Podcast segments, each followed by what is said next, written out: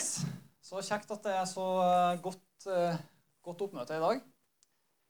Jeg har et, eh, et budskap fra Guds ord som, som, som egentlig har ligget meg tungt på hjertet ja, hele høsten og, og i vinter òg. Jeg snakka litt om det i høst òg, en av de siste gangene jeg forkynte. Og, og så tenker jeg at det her er så, så viktig at vi må bare prøve å, å gå litt inn i det sammen igjen. Og jeg vet ikke om eh, Har dere fulgt med litt eh, vet, eh, han, Hvor mange er det som har sett denne filmen om Snåsamannen på kino? Eivind har rukket allerede.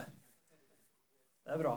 Jeg har ikke rukket å se den sjøl ennå, men jeg har lyst til å se den. Det som er interessant med den filmen om Snåsamannen, er at det virvler opp en god del eh, avisskriverier der, der veldig mange skal prøve å forklare det som Snåsamannen gjør. Eh, Og det, det er jo et interessant prosjekt. I hvert fall når han har en rekord på 50 000 helbredelser. Så er det godt gjort å forstå det. Eh, Det som er interessant, da, er at eh, mange av de skriverne de avskriver jo at han har evner. Og de mener jo at, at det han gjør, det kan forklares med placeboeffekt. Og at det er ren psykologi som står bak. Og de folkene som, eh, som eh, mener det, de kommer fra et ståsted som det er litt viktig å være klar over. Og det er fra et bestemt verdenssyn som heter naturalisme. Hvor mange vet hva naturalisme er for noe? Det var mange som var litt der, og det skjønner jeg godt. Du lærer om naturalismen i sånne kunsthistorie, så da blir du i hvert fall forvirra. Men eh, naturalisme da, det er jo en, det er en sånn eh, bestemt måte å forstå verden på. Eh, Der du, der du forstår verden eh, slik at alt som kan forklares vitenskapelig, det kan vi tro på. Alt som ikke kan forklares vitenskapelig, det eksisterer ikke. Det fins det en naturlig forklaring på. Det bare har ikke funnet den ennå. Det er på en måte essensen i det, den måten å forstå verden på. Og da blir det jo sånn at eh, veldig mye av det som en eh, holder for sant, det kommer fra naturvitenskapen. Resten eh, er egentlig per definisjon subjektivt. Det vil si at det er ikke noe som er sant, annet enn at du mener det, og jeg mener det, og det får vi være enige om at alle får ha hver sin mening.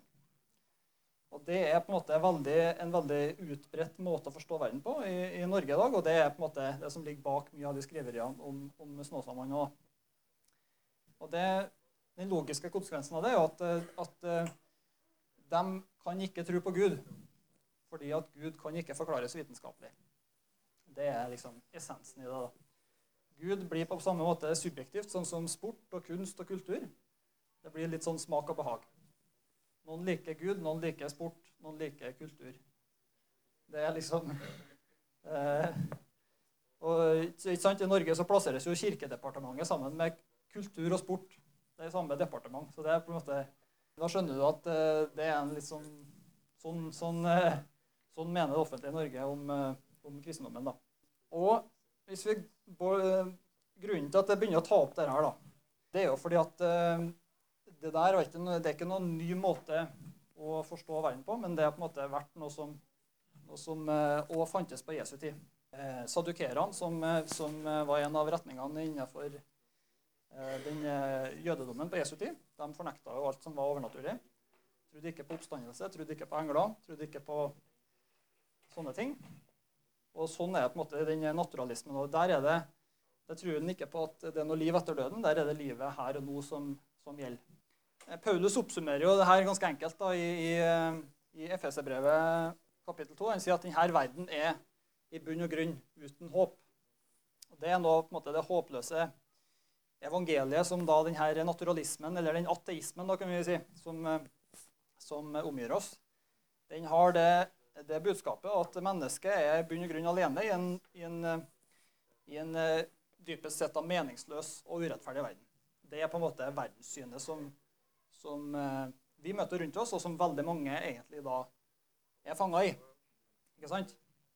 Det er det som vi omgir oss med. Og selv om en måte en prøver å bøte på en sånn, et sånt syn da, med at vi må, vi må gjøre det beste ut av det uansett, vi må jobbe for en bedre verden, så er det på en måte veldig lett å, å på en måte fnyse litt av, av det, når du på en måte i bunn og grunn så vet du at det har ingen konsekvenser hva jeg gjør. Jeg kan like så rett være egoistisk og dyrke min egen lykke eller mine egne ambisjoner uten at det får noen konsekvenser.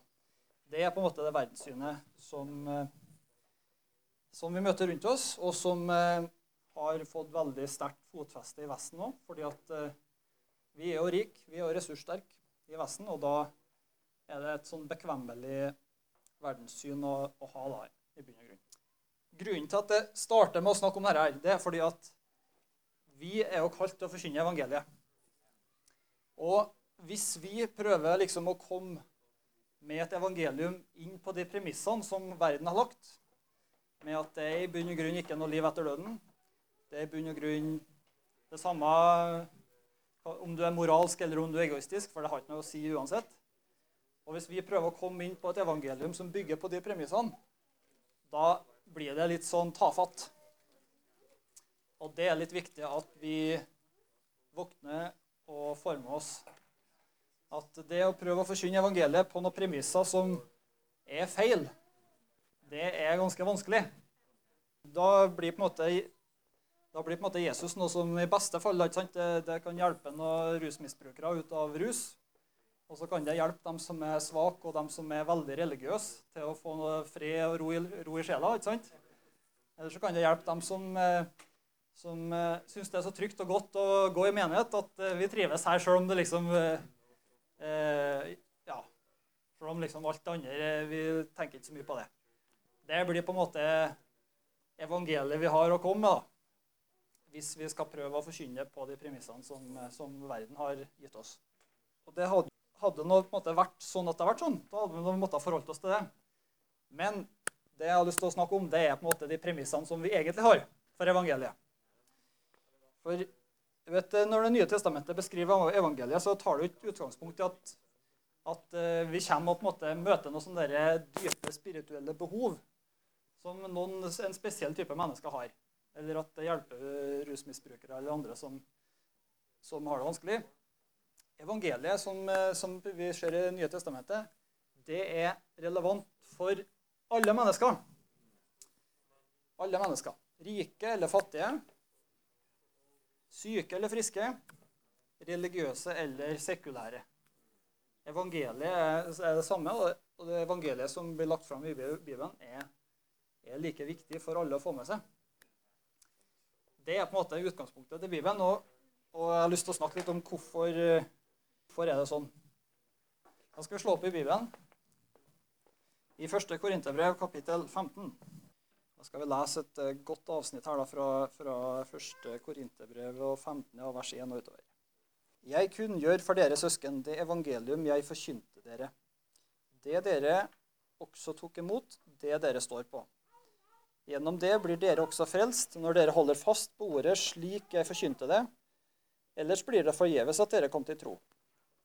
Først og fremst overga jeg til dere det jeg selv har tatt imot. At, Jesus, eller at Kristus døde for våre synder etter Skriftene, at han ble begravet, og at han sto opp den tredje dagen etter Skriftene, og at han viste seg for Kefas, deretter for de tolv. Deretter viste han seg for mer enn 500 søsken på én gang. Av dem lever de fleste ennå, men noen er sovnet inn. Deretter viste han seg for Jakob, og deretter for alle apostlene. Aller sist viste han seg for meg, jeg som bare er et ufullbårent foster. For jeg er den minste av apostlene, jeg er ikke verdig til å kalles apostel, for jeg har forfulgt Guds kirke. Men ved Guds nåde er, er jeg det jeg er, og Hans nåde mot meg har ikke vært bortkastet. For jeg har arbeidet mer enn noen av dem, vil si ikke jeg, men Guds nåde som er med meg. Men enten det er jeg eller andre, dette forkynner vi, og dette har dere tatt imot i tro. Men når det blir forkynt at Kristus er stått opp fra de døde, hvordan kan da noen blant dere si at det ikke finnes noen oppstandelse fra de døde? For hvis de døde ikke står opp, er heller ikke Kristus stått opp. Og er ikke Kristus stått opp, da er vårt budskap tomt, og deres tro er også tom. Da står vi som falske vitner om Gud. For, da har vi vitnet imot Gud når vi sier at han har oppreist Kristus, noe han eh, ikke har gjort hvis døde ikke står opp. For hvis døde ikke står opp, er jo heller ikke Kristus stått opp. Men hvis Kristus ikke er stått opp, da er deres tro uten mening, og dere er fremdeles i deres synder. Da er også de fortapt som er sovnet inn i Kristus. Hvis vår, vårt håp til Kristus gjelder bare for dette livet, er vi de ynkeligste av alle mennesker. Og les det, så bare håper på, Jeg håper virkelig Jesus har stått opp. Og så kommer Paulus, da. Men nå er jo Kristus stått opp fra de døde, som førstegrøden av dem som er sovnet inn. For, fordi døden kom ved et menneske, er også de dødes oppstandelse kommet ved et menneske. For slik alle dør på grunn av Adam, skal alle få liv ved Kristus. Men hver i sin tur. Kristus er førstegrøden. Deretter, ved hans gjenkomst, følger de som hører Kristus til. Så kommer slutten, når han overgir sin kongsmakt til Gud, sin far, etter at han har tilintetgjort alle makter, myndigheter og krefter. For han skal være konge helt til Gud har lagt alle fiender under hans føtter. Den siste fienden som blir tilintetgjort, er døden. For alt la han under hans føtter. Og når det står 'alt', er det klart at Gud er unntatt. Det er Gud som legger alt under ham.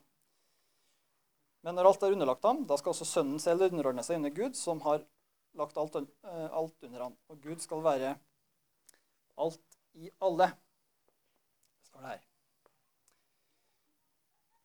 Her er jo en, en, en veldig sånn nøye utlegging av, av, veldig mange trossannheter.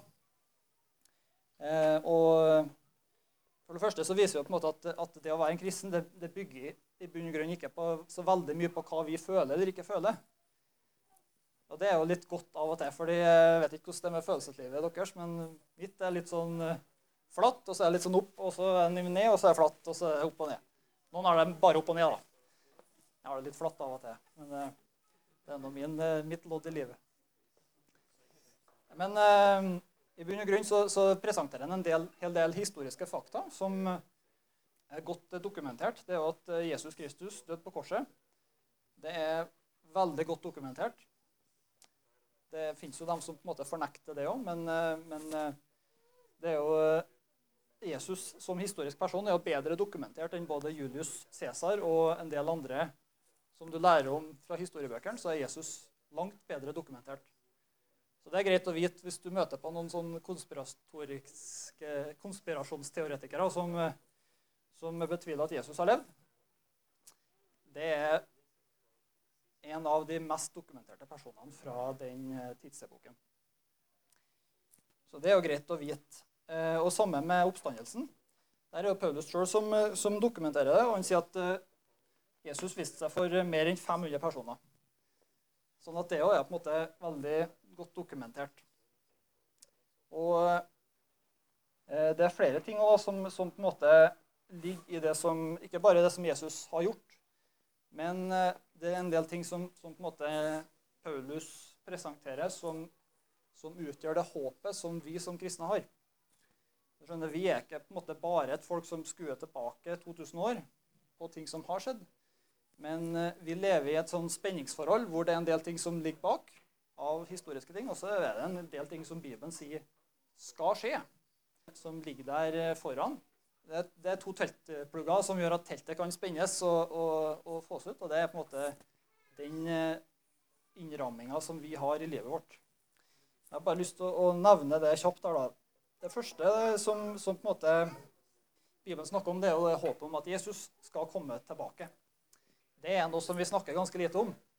Og det er en veldig aha-opplevelse for folk som får høre det. Jeg nevnte det til en, eh, en, jeg skal ikke si hva nå, men det var en i familien min som, som jeg snakka med om, om, eh, om, livet vårt og menigheten. Og så når en, bare en bisetning nevnte at ja, vi tror at Jesus skal komme tilbake, så holdt han på å dette av stolen. Det hadde ikke han fått med seg.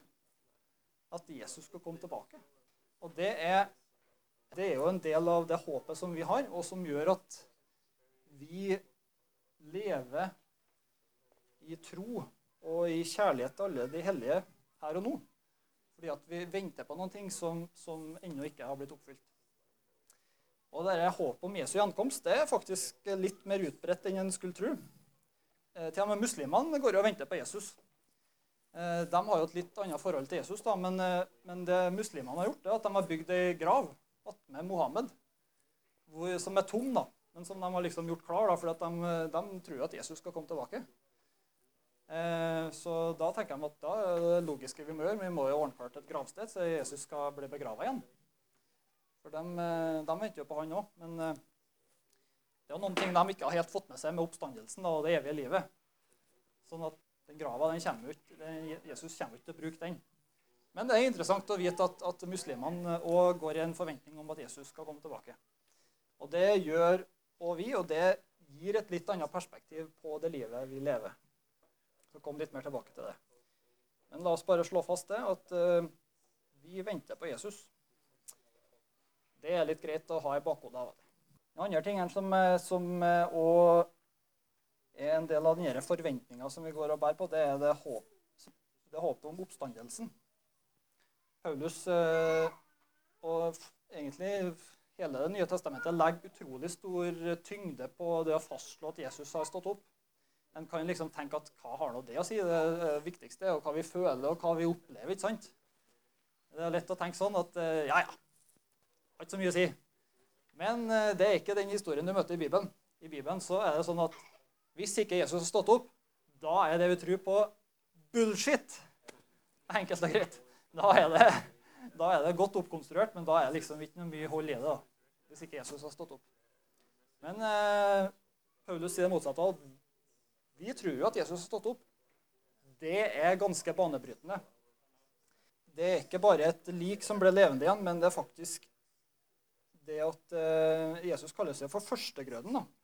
Andre plasser i Bibelen så kalles den den førstefødte. Det vil si at når Jesus ble reist opp igjen til livet, så var det ikke til et hvilket som helst liv, men det var til et evig liv. Han omtales som den første av ganske mange i rekka som skal komme i et eh, oppstandelsesliv. Gud skal få seg en stor familie, og der Jesus da er den førstefødte. Det er noe som du på en måte kan finne igjen i veldig mye av den eh, litteraturen i Nye testamentet. Hva betyr nå det? Ja, altså Oppstandelsen er jo på en måte, det er det som er framtidsforventninga som Bibelen presenterer. Eh, nå hadde vi jo ikke den barnesangen i dag, da, men, eh, men eh, når jeg var liten, så sang vi en sånn eh, sang som heter Alle, alle vil vi ha med, vil vi ha med til Ja, himmelen, ja. Ikke oppstandelsen. Den, den teologiske biten datt ut av den barnesangen, gitt.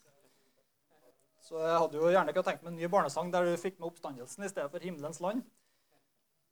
Nå er jo ikke himmelen feil, ikke sant? Men hvis en skal liksom gå helt til endestykket på hva Bibelen snakker om, så er oppstandelsen det som Bibelen snakker om. Sånn at eh, eh det der forestillinga om, om, at vi skal på en måte vekk fra, vekk fra jordiske forhold, det er, det er ikke på en måte det som Det nye testamentet snakker om. Det nye testamentet snakker om en ny himmel og en ny jord.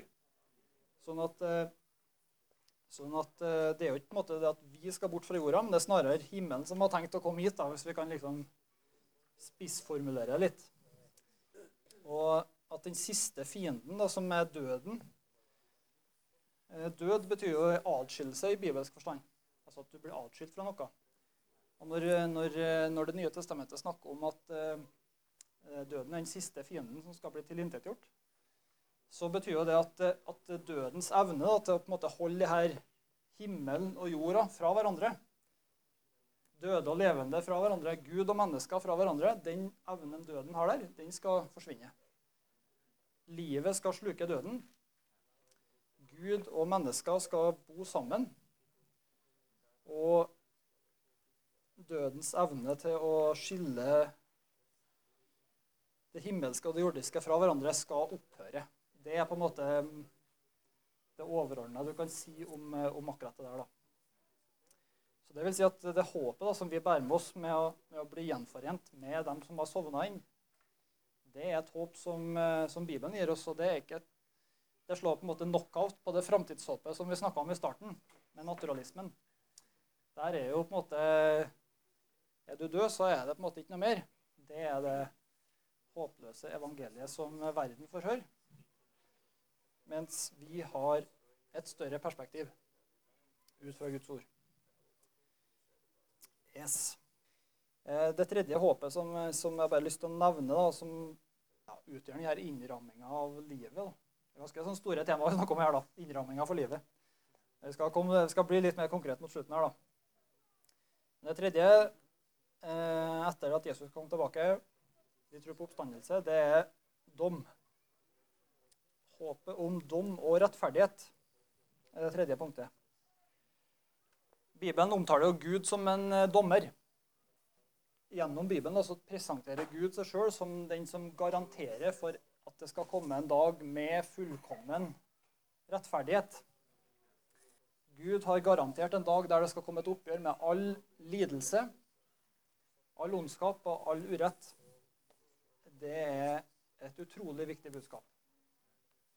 Det er jo på en måte Noe av det du møter av sånn kritikk mot kristendommen, er jo det at hvordan kan Gud tillate en verden full av lidelse? Hvordan kan jeg tro på en Gud som tillater sånt? Og svaret, sånn enkelt sagt, er jo at Gud tillater det ikke. Fordi at han har lovt at det skal komme en dag der han skal bringe fullkommen rettferdighet. Der eh, Gud skal holde sin dom over eh, ondskap, over urett, over maktmisbruk, over uh, alt det som ikke tåler Guds dom. Og det er et godt budskap for dem som lengter etter rettferdighet. De som har blitt tråkka på, de som har blitt behandla på en dårlig måte, så har Gud garantert rettferdighet. Det er et utrolig sterkt budskap, og det er et utrolig uh, kontroversielt budskap òg for dem som vet at de har noen ting de må svare for. Og Det er jo på en måte noe av det som gjør eh, evangeliet vanskelig å spise av for dem som sitter med høy makt og, og høy innflytelse, som, og som lever godt av den uretten som er i verden. Så er det et eh, budskap som, som, utgjør et håp da, for alle som lengter etter, etter eh, rettferdighet. Så det er på en måte noe av den innramminga som vi lever under.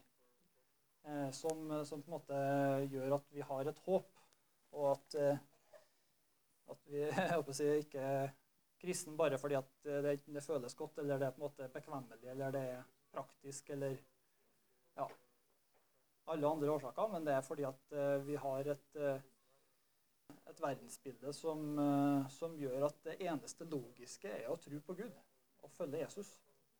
Det er liksom eh, noe av eh, budskapet i evangeliet. Vi skal gå mot en liten avrunding her, da. Vi kan slå opp i Kolossebrevet kapittel 1. Skal vi bare lese et vers der? Kolosserne kapittel 1 er også vers, vers 3. Vi takker alltid Gud, vår Herre Jesu Kristi Far, når vi ber for dere. For vi har hørt, fått høre om deres tro på Kristus Jesus og om kjærligheten dere har til alle de hellige, på grunn av håpet som venter dere i himmelen.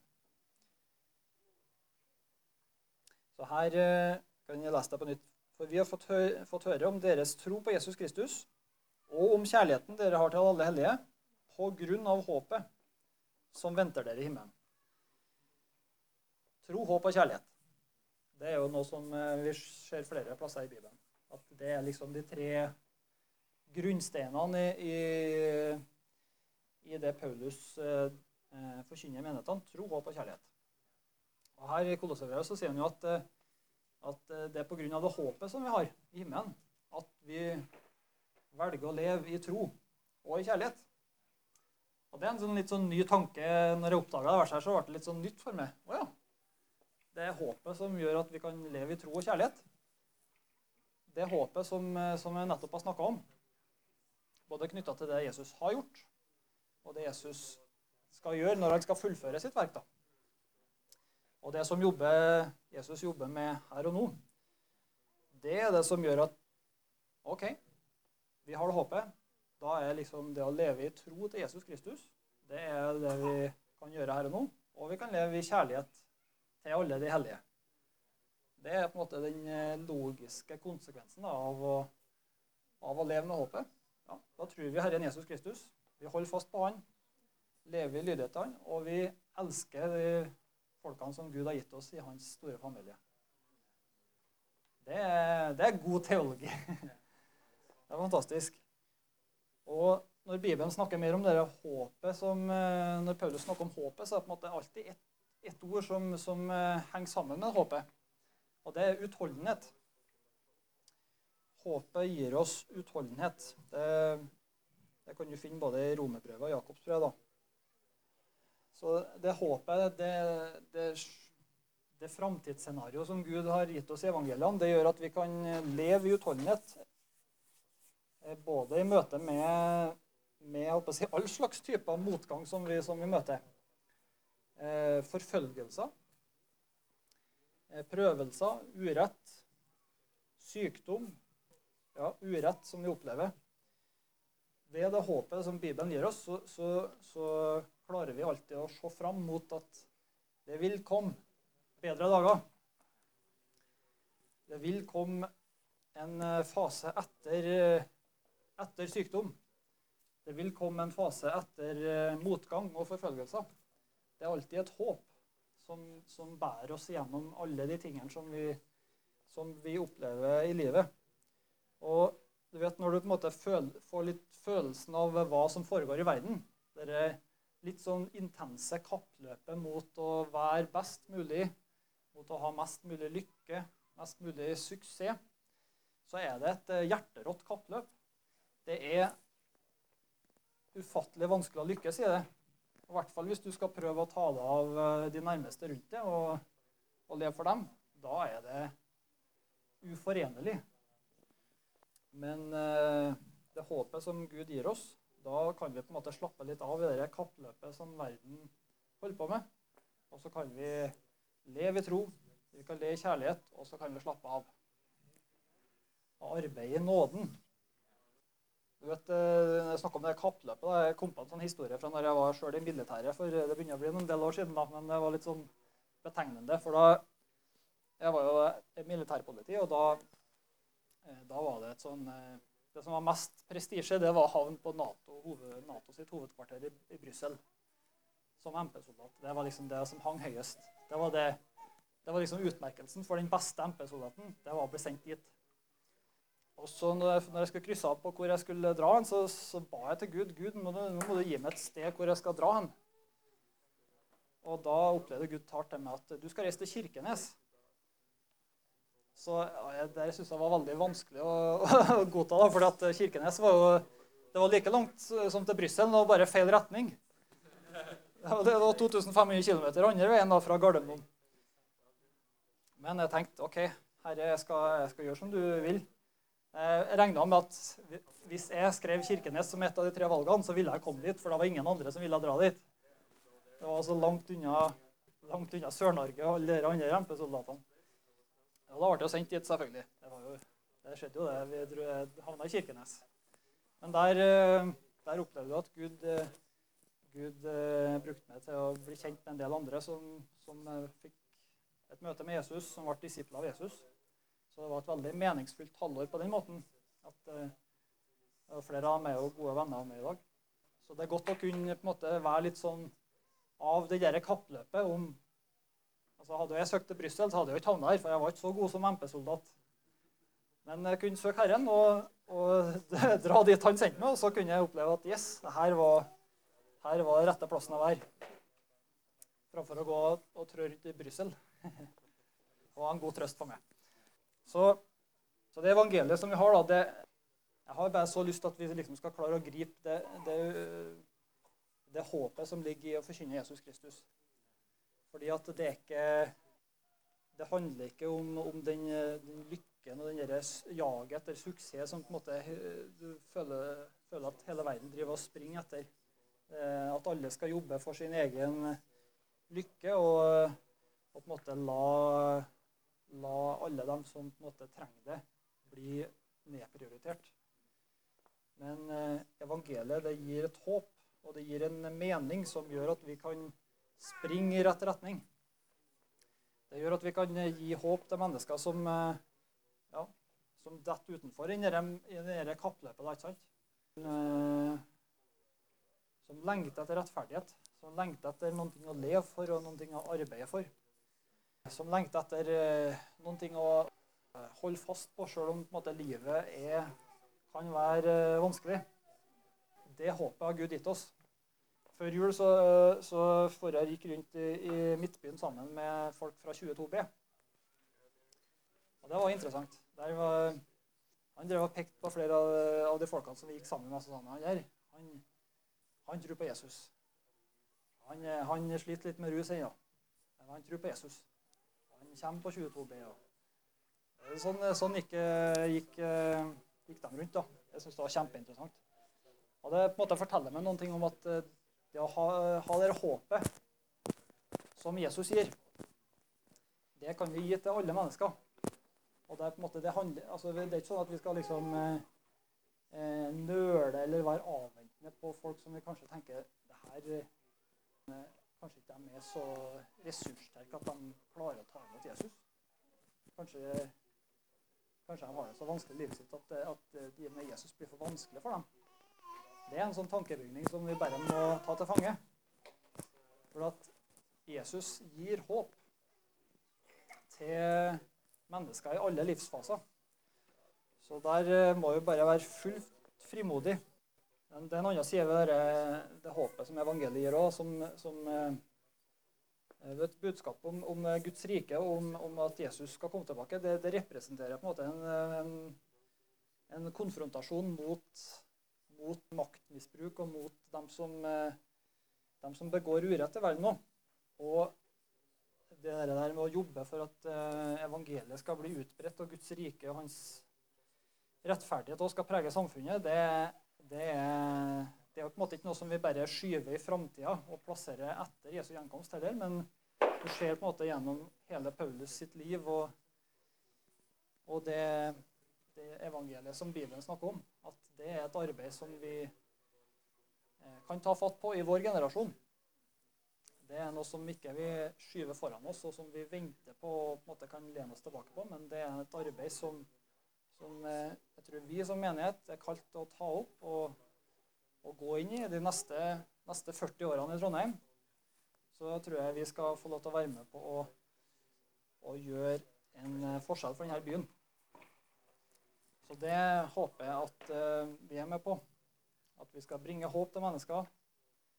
At vi skal møte mennesker som, som ikke er interessert i å være med på det kappløpet som verden gir som har lyst til å springe med evangeliet, og som har lyst til å